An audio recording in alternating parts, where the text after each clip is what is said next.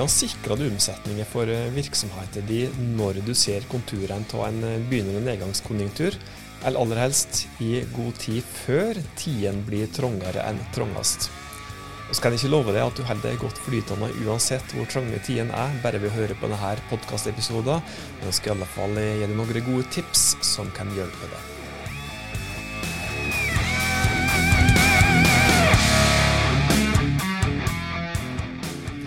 Hei, du. Hjertelig velkommen til Hauspodden, podkasten fra fagfolket i Haus. Oss er som vanlig på plass for å hjelpe deg med å nå de virksomheter som, eh, eller de virksomheter, de virksomhetsmålene som du har sett det, eller de organisasjonsmålene. Fordi at eh, du som hører på, jobber sannsynligvis i en virksomhet eller en organisasjon, og jobber antageligvis i det daglige med å prøve å nå små og store mål der du eh, er. Jeg heter Tormod Sperstad. Si tusen takk for at du har trykt på play på denne podkast-episoden her. Ja, Når vi spiller denne episoden, her, da, så står krisen nærmest i kø. Nei, det er ikke alt som er krise, vi må prøve å se litt ja, og rette perspektivet på dette. her. Men det er i alle fall mange utfordringer i hverdagen til mange virksomheter, samtidig som det ikke er til å stikke under en stol at det er mange, både små og store, ja, kriser rundt oss som har fått og vil få konsekvenser for de fleste virksomheter framover. Og Hvis vi da begynner å se litt rundt oss, da, så ja, det du kanskje først tenker på, er kanskje energikrise med påfølgende voldsomme strømpriser, i alle fall i forhold til tidligere.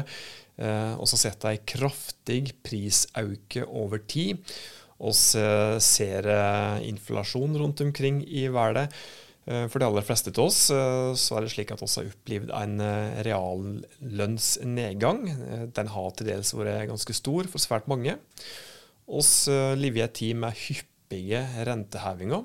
Både enkle rentehevinger og doble rentehevinger. Og Det er òg varsler om enda raskere rentehevinger eh, framover, og det som blir beskrevet som knallhard landing for norsk økonomi, med påfølgende tap av arbeidsplasser. Dette her er ikke svartmaling, dette her er realiteten når vi spiller inn denne episoden her i september 2022. Eh, og uansett om du hører på denne episoden når det er eventuelt et mer lystig og optimistisk situasjonsbilde, så er én ting sikkert. Det er lurt å være forberedt på ulike framtidsscenarioer, og ikke minst de scenarioene som kan påvirke virksomheten vår i negativ forstand. En ting er at det påvirker virksomheten direkte i form av økte kostnader på det som også er avhengig av for å holde driften vår i gang i det daglige. Det vil si at ja, f.eks. energien som vi trenger til, til, utstyret som vi uh, bruker til å produsere ting og tang med. Energi som vi trenger til oppvarming, drivstoff til distribusjon og mange, mange andre ting. Men auka kostnader der kan fort òg påvirke muligheter som oss har til å investere i f.eks. produkt- og tjenesteutvikling. Eh, rett og slett innovasjonsarbeid. da. Og Hvis vi ikke driver med innovasjonsarbeid, så kan vi fort sakke litt akterut og kanskje eh, ja, rett og slett miste verdifulle konkurransefortrinn som vi kanskje har opparbeidet oss gjennom mange, mange år. Og Det påvirkes òg fordi at eh, kundene våre både forbrukere, eh, for dem som da jobber mot forbrukermarkedet, og bedrifter, for dem som jobber, på, ja, mot B2B, eh, får mindre å rutte med, og dermed ikke har like godt armslag til å investere i å velge produkt eller tjenester fra nettopp oss. Litt avhengig av eh, hvor robuste de er økonomisk, sjølsagt. For har du lite fra før i form av løpende inntekter og lite å rutte med av egenkapital, så er du mer sårbar enn den som har mye. Og Da er vi en gang inne på det som kanskje blir det viktigste overordna tipset som vi skal komme med i dag. Og Det handler ikke om konkrete bedriftsøkonomiske tips, for det er det mange andre som kan langt bedre enn oss i Haus.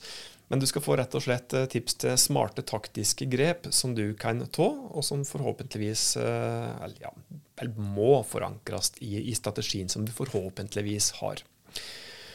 Og Det første som du bør se litt nærmere på, det er de varene eller tjenestene som du selger i dag. Du bør kanskje òg se litt overordna på hva som egentlig er forretningsmodellen din. Eh, og for å tilbake på dette med konkrete produkter eller tjenester, har du f.eks. produkt som målgruppa di må ha, f.eks. brød, mjølk, smør osv. Er du en tannlege, frisør, slike ting som er, ja, du nesten må innom av og til. Eh, det er slike ting du må se på. Eller har du produkt som da strengt tatt ikke er livsnødvendige, hvis du da f.eks. er ei møbelforretning som selger dyre designermøbler. Det jeg vil fram til, er at du må prøve å analysere kundemassa di. Se litt på hvordan den er sammensatt. Er det f.eks. mange, ja, har du mange kunder innenfor samme segment? Hvis du jobber ut mot eh, bedrifter, er det mange bedrifter innenfor samme bransje, og som sjøl kanskje har omtrent samme målgruppe som konkurrentene sine. Eh, likeens, hvis du jobber ut mot bedriftsmarkedet, har du mange som er omtrent like i størrelse, eh, ja, f.eks. når det gjelder antall ansatte, når det gjelder omsetning. Eller er kundegruppa di eller kundegruppene dine satt sammen av bedrifter som er ulike både i størrelse når det gjelder antall ansatte og omsetning?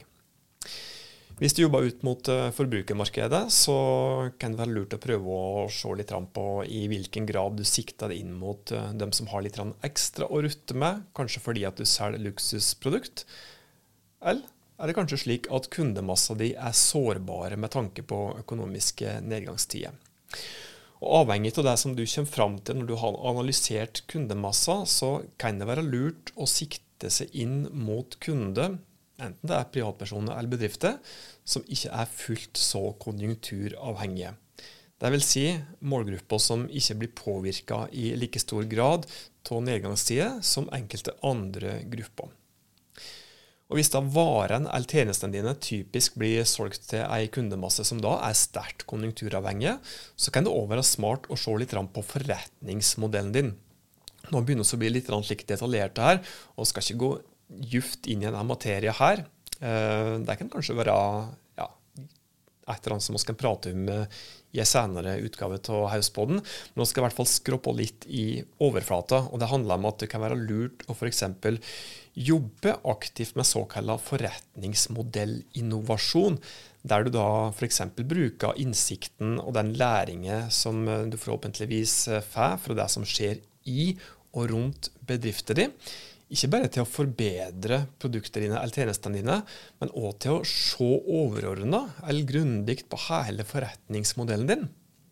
Et eksempel i ja, ytterste konsekvensen her, da, som vi kan tenke oss hvis du ser og reviderer forretningsmodellen din, så kan det være at du går fra salg av et produkt til utleie til et produkt, altså at du blir tjenestebasert. F.eks. hvis du da er en bilforretning som går fra å selge biler til å leie ut biler. Eller hvis du da er en sportsbutikk som går fra å selge f.eks. fjellutstyr til å leie ut fjellutstyr. For det er jo da slik at uh, forretningsmodellinnovasjon faktisk uh, ja, Det er viktig å jobbe med, med, med jevne mellomrom, se litt grundig på forretningsmodellen din, men spesielt i uh, usikre tider så er det smart å jobbe med denne her såkalte forretningsmodellinnovasjon. Like rent overordna, hvis det skal komme med noen flere tips, eh, overordna som er viktige uansett om det er gode tider eller dårlige tider, så bør du ha en god strategi på plass. Og du bør sørge for at eh, den er gjennomarbeida der du da passer på at du har gått gjennom alle ledd i strategiprosessen som du må gjennom for å få en god strategi på plass, slik at du faktisk har et reelt plandokument som da faktisk hjelper til med å nå de målene som du har satt deg. Du bør òg sørge for at du har eh, såkalla ja, At du er god da, på, på, dynamisk eh, verdiskapingsevne. Vil si at eh, du er god på å gjøre såkalte fortløpende endringer. At du kan snu det tvert og fort eh, rundt når det skjer et eller annet enten i bedriften din eller ute i samfunnet som påvirker i hvilken grad du kan skape verdi for målgruppa di. Hvis du da har evne til å snu det fort rundt og justere det inn, så er du god på denne dynamiske verdiskapingsevna. Og Det kan være lurt og spesielt lurt i usikre tider. Dette handler òg om at du bør være flink til å lese omgivelsene dine, altså følge litt med i ikke bare verdensbildet, men kanskje òg litt tettere på det, for å se hva er det som skjer politisk nå, hva er det som skjer til store hendelser ute i verden. Eh, hva er det, Hvilke konsekvenser kan dette her få for, eh, for virksomheten min, og ikke minst den målgruppa som er skapa verdi for.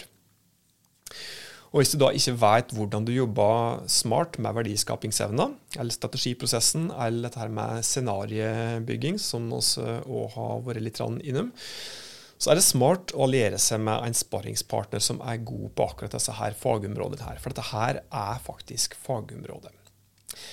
Dette var bare noen tips som, eh, som eh, forhåpentligvis eh, likevel var, var, tilstrekkelige for at du kanskje kan få litt inspirasjon og noen, ja, kan begynne å tenke litt på hvordan du kan møte og jobbe best mulig i usikre tider for å holde virksomheten din så godt flytende som mulig.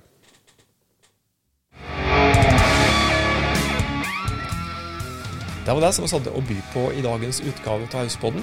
Som vanlig så blir vi ordentlig glade hvis du gjennom ratings og reviews på den podkastplattformen som du bruker, for det er hjelp på synligheten vår som gjør at oss kan hjelpe enda flere bedrifter med å nå de målene som de har satt seg. Fram til oss høres neste gang, ta godt vare på det og dine.